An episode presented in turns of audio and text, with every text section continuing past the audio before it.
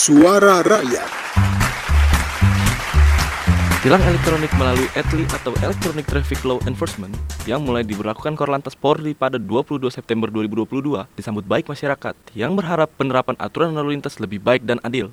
Namun, sejak 14 April 2023, tilang manual kembali diberlakukan oleh Korlantas. Di sisi lain, arogansi pengguna jalan juga semakin banyak terjadi, bahkan tidak sedikit korban nyawa melayang. Namun, bagaimana tanggapan masyarakat mengenai hal ini? Mari kita simak suara rakyat berikut ini.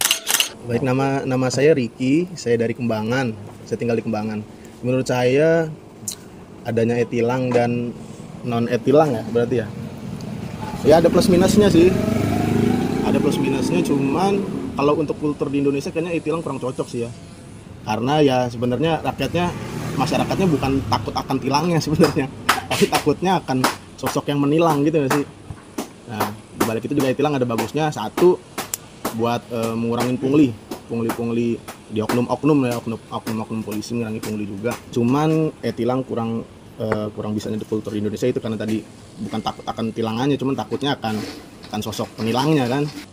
Saya Rizka warga Bekasi. Kalau menurut saya sih mas mendingan itilang ya. Kalau itilang kan canggih aja gitu pakai teknologi. Siapa pun yang langgar pasti akan ketilang. Tapi kalau tilang manual kan takutnya uang hasil tilang tersebut disalahgunakan sama oknum. Buktinya banyak pengendara yang berdamai sama oknum di jalanan. Nama saya Rudi. Menurut saya bagus ya kalau misalkan itilang itu. Jadi polisi-polisi nggak perlu repot nilang.